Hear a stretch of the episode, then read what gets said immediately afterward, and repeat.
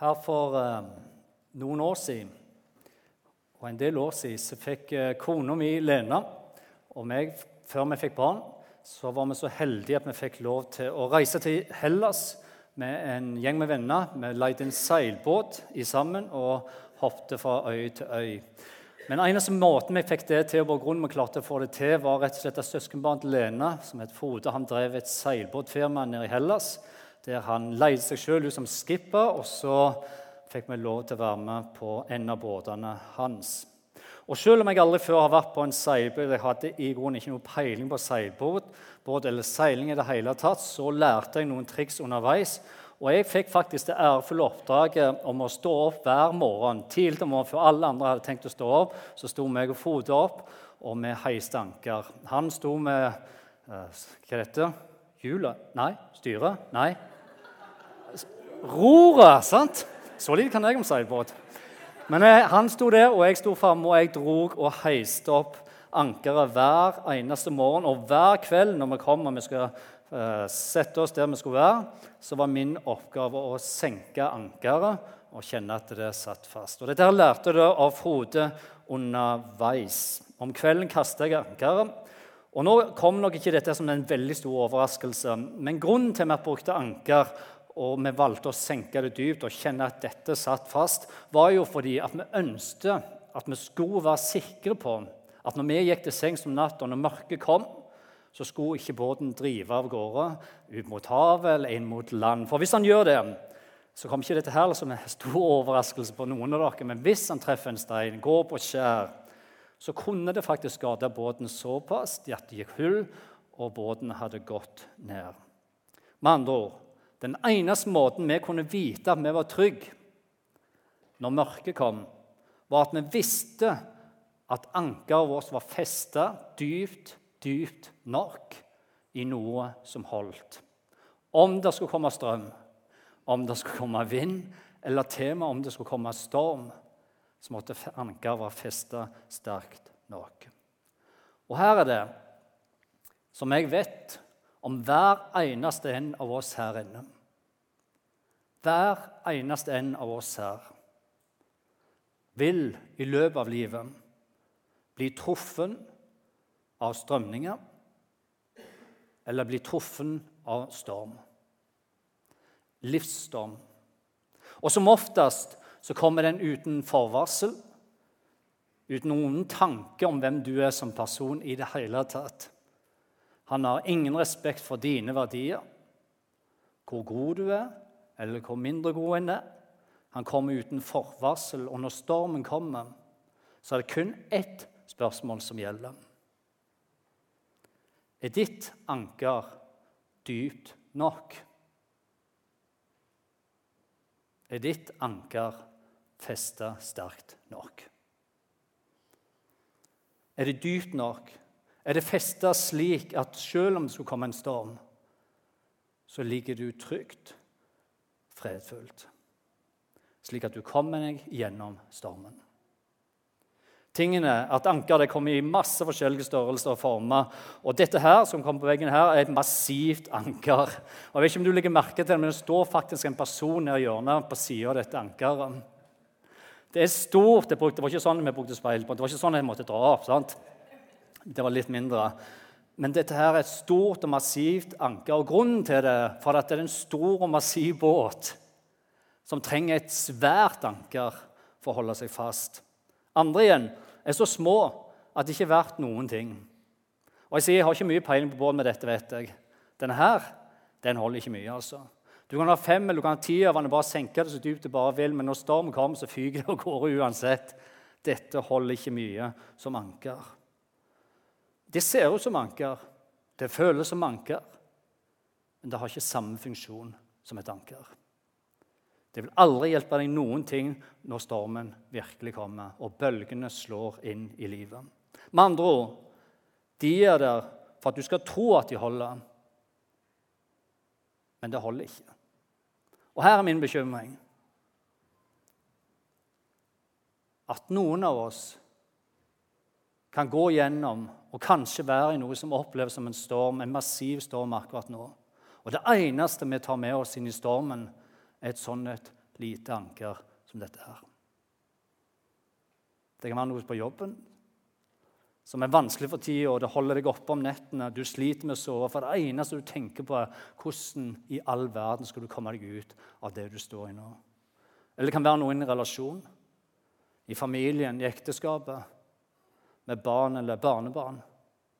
Og du vet ikke hvordan dette kom til å ende. Stormen er der, og det eneste du ønsker, er å finne en vei ut av det, finne en løsning komme dere gjennom stormen. Eller det kan være noe du bærer med deg sjøl. Noe som du har kjempet med i lang tid, som er synd, som til tider kan føles som en storm, der du ber om å få slippe dette. Men hvordan du skal komme deg ut av stormen, vet du ikke. Eller det kan være en sykdom som du nettopp fikk vite om. Med deg sjøl er det noen som står deg veldig nært. Og det overrasker dere, og du kjenner at det tapper deg. Redselen er der, frykten, det usikre, det er en storm. Eller når du ser barnet ditt sliter og har det vanskelig. Barna som sliter fordi det blir dumpa av det som skulle vært venner.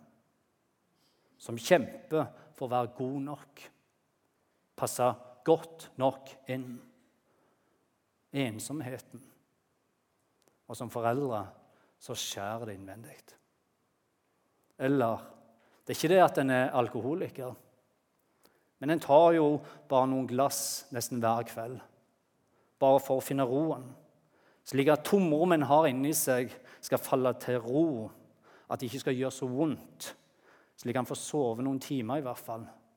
Finne fred. For stormen som herjer inni tomrommet, er så sterk, er så stor. Og talen i dag handler nettopp om det. At det fins et anker. Et anker som alle mennesker kan få. Et anker som kan hjelpe oss i det vi står i nå i dag. Et anker som holder fast når stormene kommer. Et anker som gir trygghet. Det gir fred, og det gir deg glede, styrke og kraft til det livet du har nå i dag. Apostelen Paulus skriver sånn som så dette her. Dette håpet er trygt og fast anker for vår sjel. Ja, det når gjennom forhenget. Og hvor når det hen? Det går inn i helligdommen, dit Jesus gikk inn og åpna veien opp for oss. Og Det Paulus skriver om her, er at Gud han har gitt deg og meg, oss alle, et løfte. Et løfte om et anker for din sjel, for ditt liv, for hvert eneste menneske som har tatt imot Jesus. Ja, der fins et anker som er festet inn i himmelen med ditt navn på. Og du trenger ikke å reise noen hender nå. Ikke gjør det. Men hvor mange er det ikke som kjenner Som bare kjenner 'Jeg er så trøtt'. Jeg er så sliten. Og Da snakker jeg ikke bare om å være fysisk trøtt,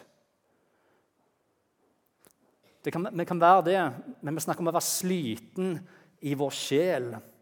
Sliten i vårt indre, i din sjel.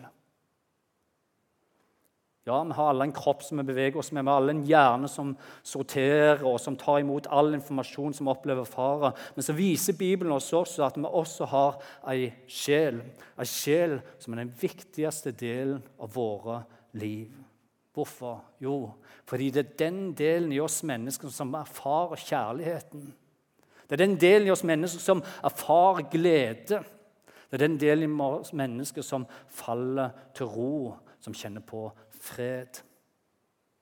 Men det er også den delen i oss mennesker, sjelen, som kjenner på ensomhet. Sjelen som kjenner på frykt og desperasjon. Og Spørsmålet vi stiller i dag, er dette her Hvordan, hvordan er det med, din sjel? Hvordan er det i grunnen i dag med din sjel? Har, har, du det bra med din sjel? Kong David, som jeg kan lese om i Gamle testamentet, som skrev mesteparten av salmen vi finner i Bibelen, han skriver en av sine salmer dette. La min bønn komme fram for deg Og det er en desperasjon, Herren. Vend øret til mine klager, o Gud.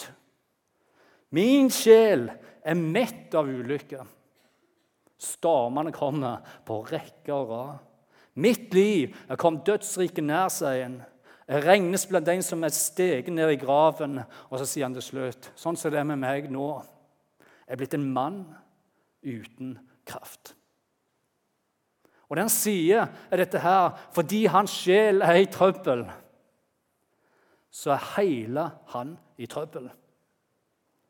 Livet det drives av gårde. Han kastes hit og dit. Han famler etter fotfeste livet. Han har det fryktelig vondt. Sjelen roper inni han, og tomrommet inni han ønsker å bli fulgt.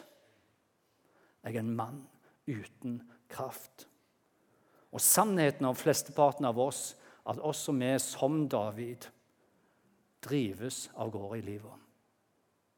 Vi har ikke hele oversikten og vet i grunnen ikke hva vi gjør med sjela vår. Vi lever vårt liv, vi haster av gårde, vi tar våre valg, vi ser på noe, vi ønsker oss noe, vi tar inn noe, vi drives av tempo, livet er travelt, og vi skulle ønske det mer tid. Og plutselig, som David, så kan også vi havne der at smerten inni oss plutselig forteller noe. Tomrommet inni oss forteller oss at noe her er galt. Og det er sjela som gir beskjed. Her i sommer så var Lena og barna meg av gårde på en lang lang tur. Vi reiste til Egypt og inn i Israel. Og Det krevde en del flyreising, bilkjøring, tung bagasje og masse, masse tålmodighet, for å si det rett ut. I hvert fall for meg. Vi hadde en fantastisk tur, og jeg ville gjort det igjen. Men før vi reiste, så kjente jeg at jeg hadde noe i ryggen som begynte å gi beskjed. Og det er ikke det at jeg ikke hadde kjent dette før, for det begynte for over ett år siden. Da begynte noe å pirre i ryggen, og det ble liksom bare mer og mer. De små signalene ble sterkere, og rett før jeg reiste, så kjente jeg det. På fly nedover så føltes det plutselig som en kniv sterk i ryggen. Og Den første natta i Egypt så tror jeg jeg sov ca. to timer, for det var så vanvittig vondt. Jeg husker jeg rullet meg ut av senga mens de alle andre lå og sov. Så satt jeg på do lå om natta og prøvde å lese litt. Det fikk jeg ikke til. Jeg scrolla på Facebook i håp at noen kunne sende meg en melding klokka fire på natta for å oppmuntre meg. Ingen der. Og desperat så prøvde jeg å be, og så fikk jeg ikke til det heller. Og selv om de andre sa til meg Jim, nå må du gå deg og få massasje, og her i Egypt er en skambillige, så holdt jeg ut i fire dager med smerte. For jeg, de, jeg trodde at dette her, det kom til å gå over av seg sjøl. Men mest av alt så holdt jeg ut i fire dager fordi jeg er så utrolig kjip. Og hadde ikke lyst til å bruke budsjettet mitt på billig massasje i Egypt. Og jeg bare tenker i ettertid hvor dum går det an å bli? Her ligger jeg med vondt i ryggen i solseng mens de andre er nede og bader. Massøren han kommer bort og han snakker med meg, og han identifiserer problemet mitt med en gang. Han vet hva problemet. Han identifiserer det, og han gir meg løsning. Og så sier han at jeg kan fikse dette på noen få timer på noen få hundrelapper. Og allikevel så ligger jeg og vurderer om det er verdt å bruke et par hundrelapper og tida på det. Jeg har nesten ikke sovet. Jeg har syv vondt i ryggen. Og så tenker jeg jeg har ikke tid til det når jeg er her. Og igjen, hvor dum går det an å bli? Vel, tingen er den at det endra seg utrolig fort, veldig kjapt, når kona veldig tydelig sa til meg hva hun mente om den saken. Noe som gjorde igjen at en time seinere lå jeg på massasjebenken. Og tre timer, tre dager seinere kjente jeg meg som en ny mann. Og Det enkle poenget mitt er dette her, at det, det er ikke all smerte som trenger å være negativ smerte. Noen ganger, veldig ofte, så er smerten der, og det er smerten som gjør at vi forstår at nå er det noe som ikke stemmer. Nå er det noe som er galt. Smerten sier ifra at det fins et problem. Problemet vårt er bare det at vi er ikke så flinke til å identifisere hvor problemet kommer ifra, og spesielt ikke når det gjelder sjela. Er det ingen anelse når dette starta, hvor utrolig vondt det kom til å gjøre. Og grunnen til at jeg ikke visste det, var at jeg gjentatte ganger valgte å overse det når de begynte å gi beskjed. Og altfor mange ganger er jeg redd for at vi gjør også det med sjela vår. Som kong David så identifiserer vi ikke, eller vi overser hva sjela sier fra om. Når sjela sier 'nå har jeg skade', så overser vi den. Når sjelen sier 'nå er jeg desperat', når han er uttørka og smerten kjenner sitt enda, er sjelen som roper om hjelp fordi han er i trøbbel. Når sjela drives hit og dit, og det eneste han ønsker, å finne et fast anker der han kan få lov til å falle til ro og finne sin fred. Spørsmålet hvordan kan vi, i en verden der våre liv møter synd, hvor våre liv hver eneste dag står i en kamp som Bibelen taler om. Hvordan kan vi identifisere når vår sjel roper om hjelp? Hvordan kan vi identifisere, identifisere hva som skal til når tomrom og tørken roper om hjelp? John Orteberg, som er pastor og forfatter og har mengde gode bøker om liv og ledelse, han skriver sånn som dette her. Når min sjel ikke er sentrert i Gud, vil han drive mot ytre opplevelser og dette det er sant. For å tilfredsstille sin trang i ting, erobringer, på søken etter dypere erfaringer. Men det fins ingenting du kan kjøpe, tilegne deg eller oppleve som kan gi deg den freden din sjel lengter etter. Hvis ikke min sjel har Gud i sentrum, så vil en ikke makte å identifisere det en virkelig trenger. Og det er det som skjer da, er at jeg vil se etter andre typer, andre opplevelser, andre faktorer rundt meg for å tilfredsstille det min sjel lengter etter. Det er en aktivitet. Eller kanskje en ny person. En ny stil. Et nytt eventyr. Nye klær. En ny stue. Nytt interiør en ny opplevelse, slik at jeg kan få tilfredsstille det sjelen min roper etter. Og Allikevel så er det med oss mennesker at bare noen dager etter vi har gjort det, eller bare noen uker etter vi har gjort det, så kommer det igjen. Lengselen. Ropet om hjelp. Judd Willey, som også er pastor og forfatter, han skriver sånn som dette her. Alle, alle mennesker alle vi lengter etter fred. Vi lengter etter glede og en hensikt med vårt liv. Ikke sant? Jeg ønsker det. Du ønsker det. Vi alle ønsker det. Alle lengter vi etter fred, glede og hensikt med vårt liv. Og hva er grunnen til det? Jo, fordi dette her er åndelig behov, som vi altfor ofte prøver å fylle med fysiske ting. Utfordringen kommer når vi prøver å tilfredsstille vår åndelige tørst med ikke-åndelige ting, fordi det kommer aldri til å fungere. Så hva er kuren? Hva er medisinen? Hva er måten, og hvordan kan vi få lekt ei skada sjel? Fins det en fred til sjela vår? Hvordan skal vi få fikse sjela når den drifter av gårde? Når vi lengter den freden og hensikten med livet. Hva er veien? Hvordan kom en dit? Jo, da handler det om relasjonen. Og det handler om å bruke tid og vandre sammen. Og Nå må du høre godt etter, fordi det er ikke nok å bare bestemme seg for å tro på Jesus. Så fikser alt seg. Det er ikke slik Been there, done that, tatt imot Jesus. Nå ordner det seg.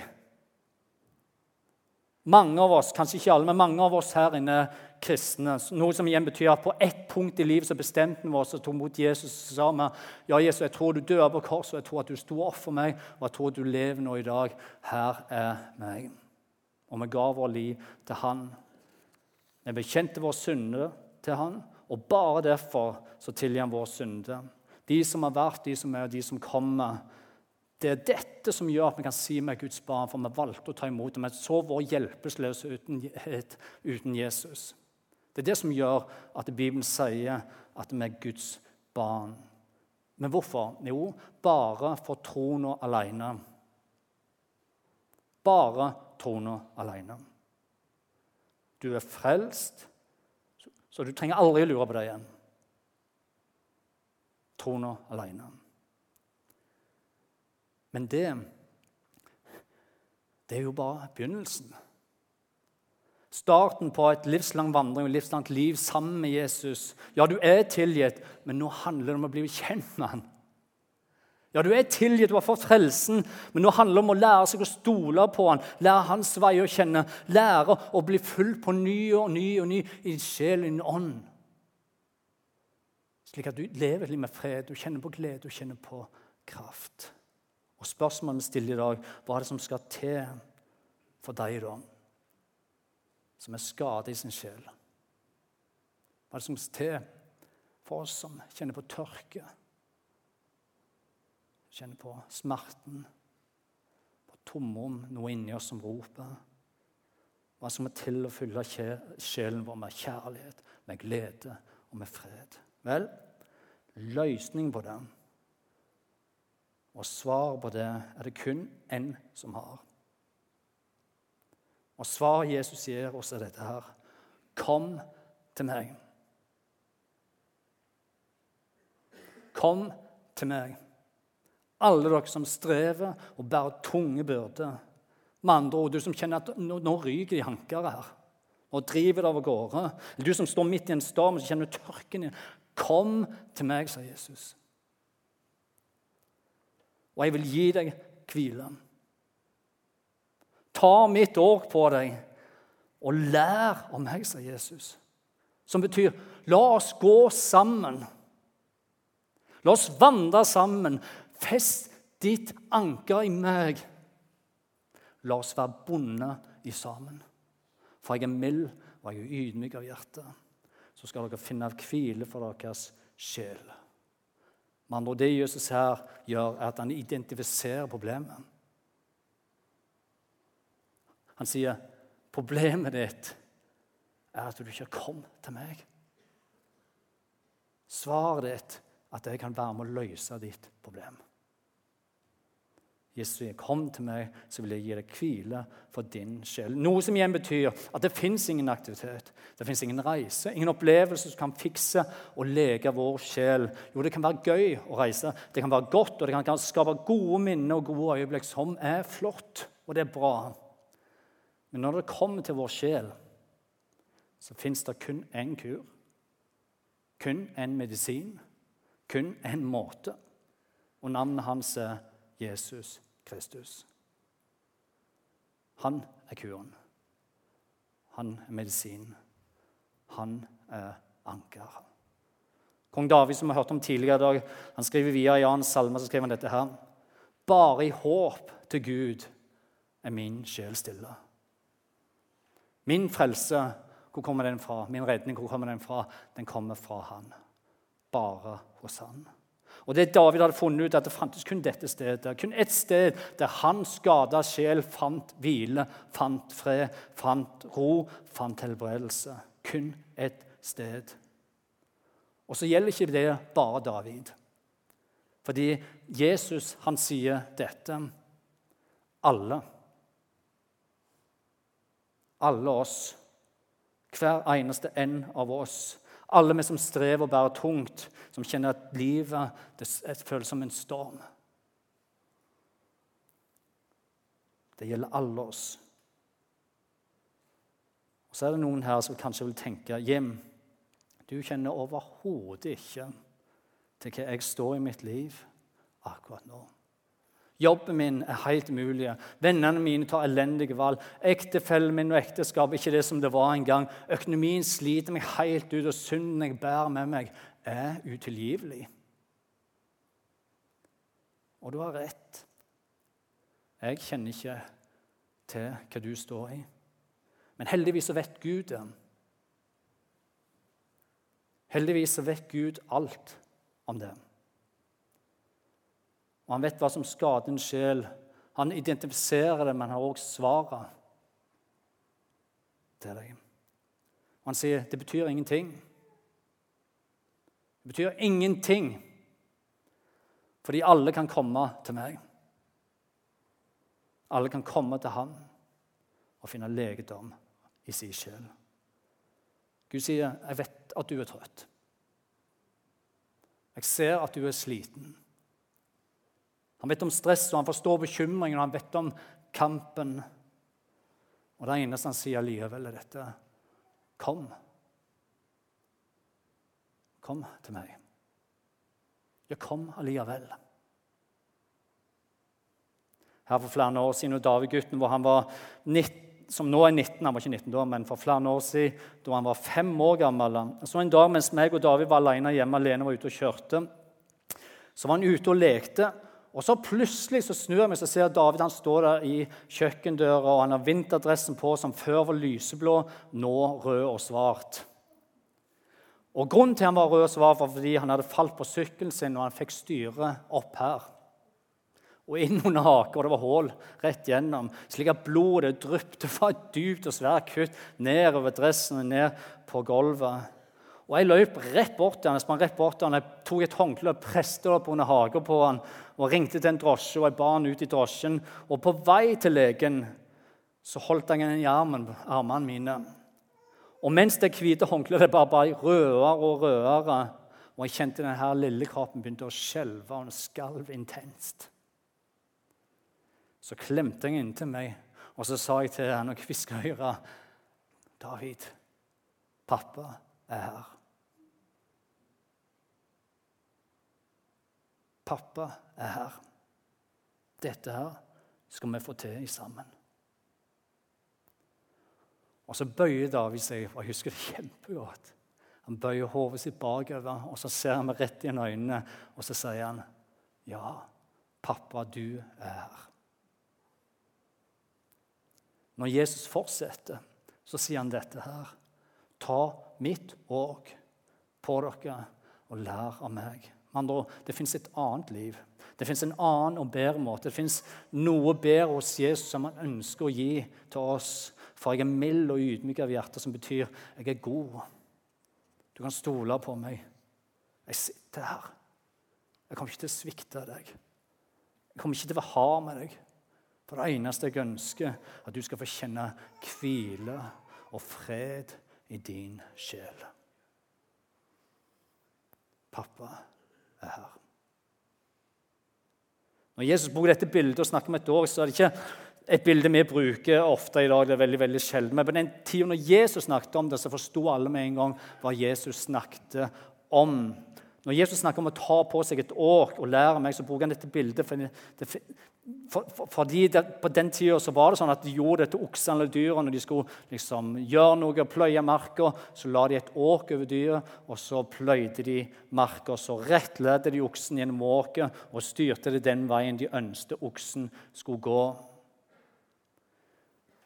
Og akkurat som denne oksen, så bruker Jesus dette bildet fordi han sier det oksen trenger å gjøre, er å overgi seg til bonden.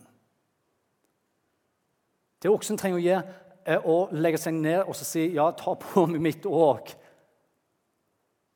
slik at du kan retle meg og lede meg på den beste mulige måten. Og Det er derfor Jesus bruker dette bildet. Han sier ta på dere mitt òg, slik at vi kan få vandre sammen. Dra i sammen bære i sammen, slik at jeg kan få lede deg på vei. Rettlede deg. Det handler om å være som denne pappaen, da. La meg få være han. Jeg er her. Stol på meg. Dette skal vi få til i sammen. Midt i stormen, så er han der. Midt i strømmen, så er han der. Når livet overrasker det skjedde det som du aldri så komme. Pappa, du er der. Men vi må overgi oss til Han. Thomas Judin, som er pastor og forfatter og har flere gode livsnære bøker, han skriver i Ayabo, den siste boka si, som er veldig bra, og som jeg virkelig vil anbefale deg å kjøpe til julepresang til en du er glad i, og til deg sjøl. Men Thomas Judin skriver og forvillig gå inn under andres åk. Hva gjør det? Det skyver ut veggene i ens eget indre herberge. Og jo flere mennesker en åpner opp for, desto færre blir det plass til. En besynderlig matematikk som bare den som prøver, begriper. Med andre ord det handler ikke bare om å ta på seg noe, et åk, og bære noe for noen andre. Nei, det endrer våre liv også. Det gjør noe med vårt indre. Det endrer vår måte å tenke og være på som menneske. Skape rom. Tingen er den at jeg er sannsynligvis over halvveis i livet. Og eh, når jeg ser tilbake på mitt liv, så har jeg opplevd mye flott jeg har hatt, og jeg har mennesker i mitt liv som har hjulpet meg til å bli en bedre utgave av meg sjøl. Sannheten er på utsida kan jeg se ganske så sikker ut, når jeg, i hvert fall står her oppe. Men på innsida meg, inni meg, så er jeg ganske usikker til tider. Jeg kan være usikker på meg sjøl. Gjør jeg rett nå, eller ikke? Jeg kan være usikker på hvem andre mennesker rundt meg tenker. Er det bra, dette, eller ikke? Jeg har gjort ting, og jeg har sagt ting jeg aldri skulle ha gjort og sagt. Jeg har såra mennesker som jeg er glad i, og som jeg elsker. Og den dag i dag, og så lenge jeg lever, så vil det være noe inni Jim som vil kjempe en kamp. Det vil være synd, egoisme. En kamp mot egoismen fordi det er noe inni meg som sier at dette livet her, det handler om meg og mitt.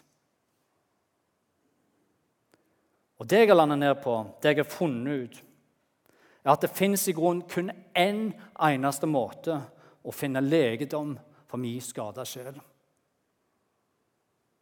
Og det fins kun i dette ordet her. Om det var et annet ord, så hadde jeg sagt det. Om det var på en annen måte, så hadde jeg sagt det.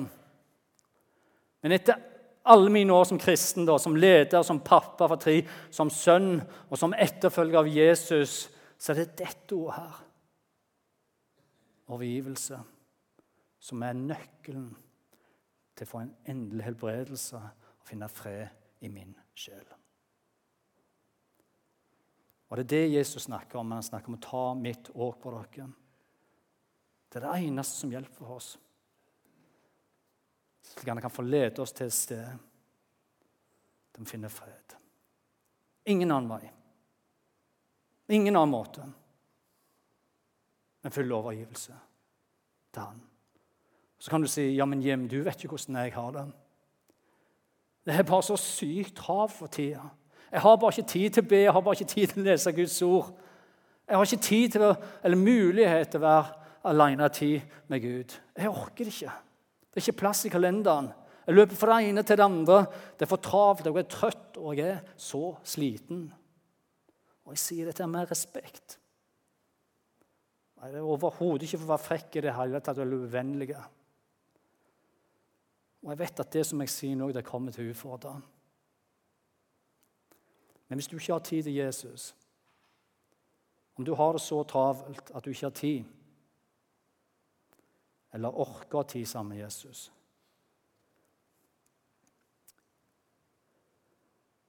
Da kan du bare sette ditt navn nå i dag på ei liste.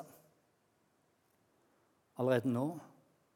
Ei liste for de som sannsynligvis kommer til å få ei skada sjøl en dag der framme. Og igjen, jeg sier dette med respekt. Jeg ønsker ikke å være ufin.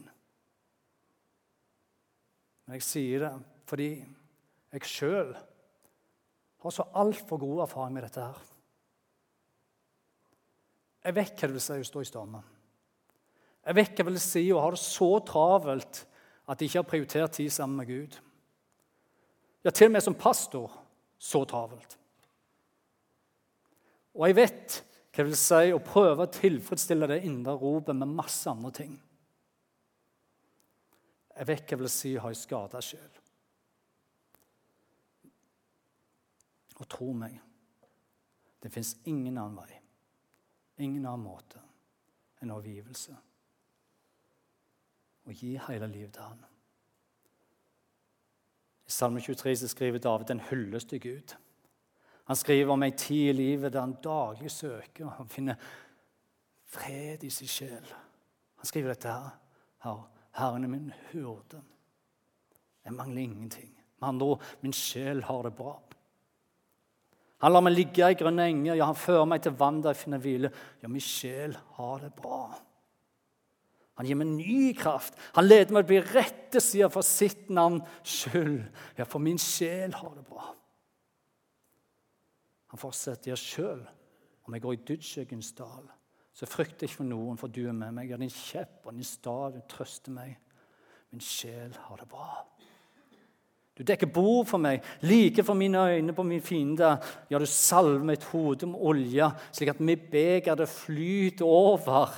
Min sjel har det bra. Bare godhet, bare miskunn skal følge alle mine dager. Og jeg får bo i Herrens hus gjennom lange tider. Min sjel har det bra. Denne samme salmen, salme 23 sto en liten flokk fra menigheten og nær familie rundt ei sykeseng for ca. ett år siden. I disse ukene. Rundt ei sykeseng til en mann som bare et halvt år før sto her og tok imot Jesus. En eldre mann. Og jeg får lov å være med. Og vi synger noen kjente salmer. Og vi leser Salme 23 sammen. Vi holder hendene, og vi ber sammen. Det var trist, det var vondt. Men når freden senker seg, når øynene møttes Men sjel har det bra. Min sjel har det bra.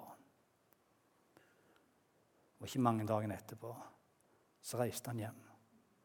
Da ankeret han satt fast inni helligdommen, der han hørte hjemme. Min sjel har det bra. Det handler om å komme til Jesus hver dag. Ha daglig tid. Overgi seg.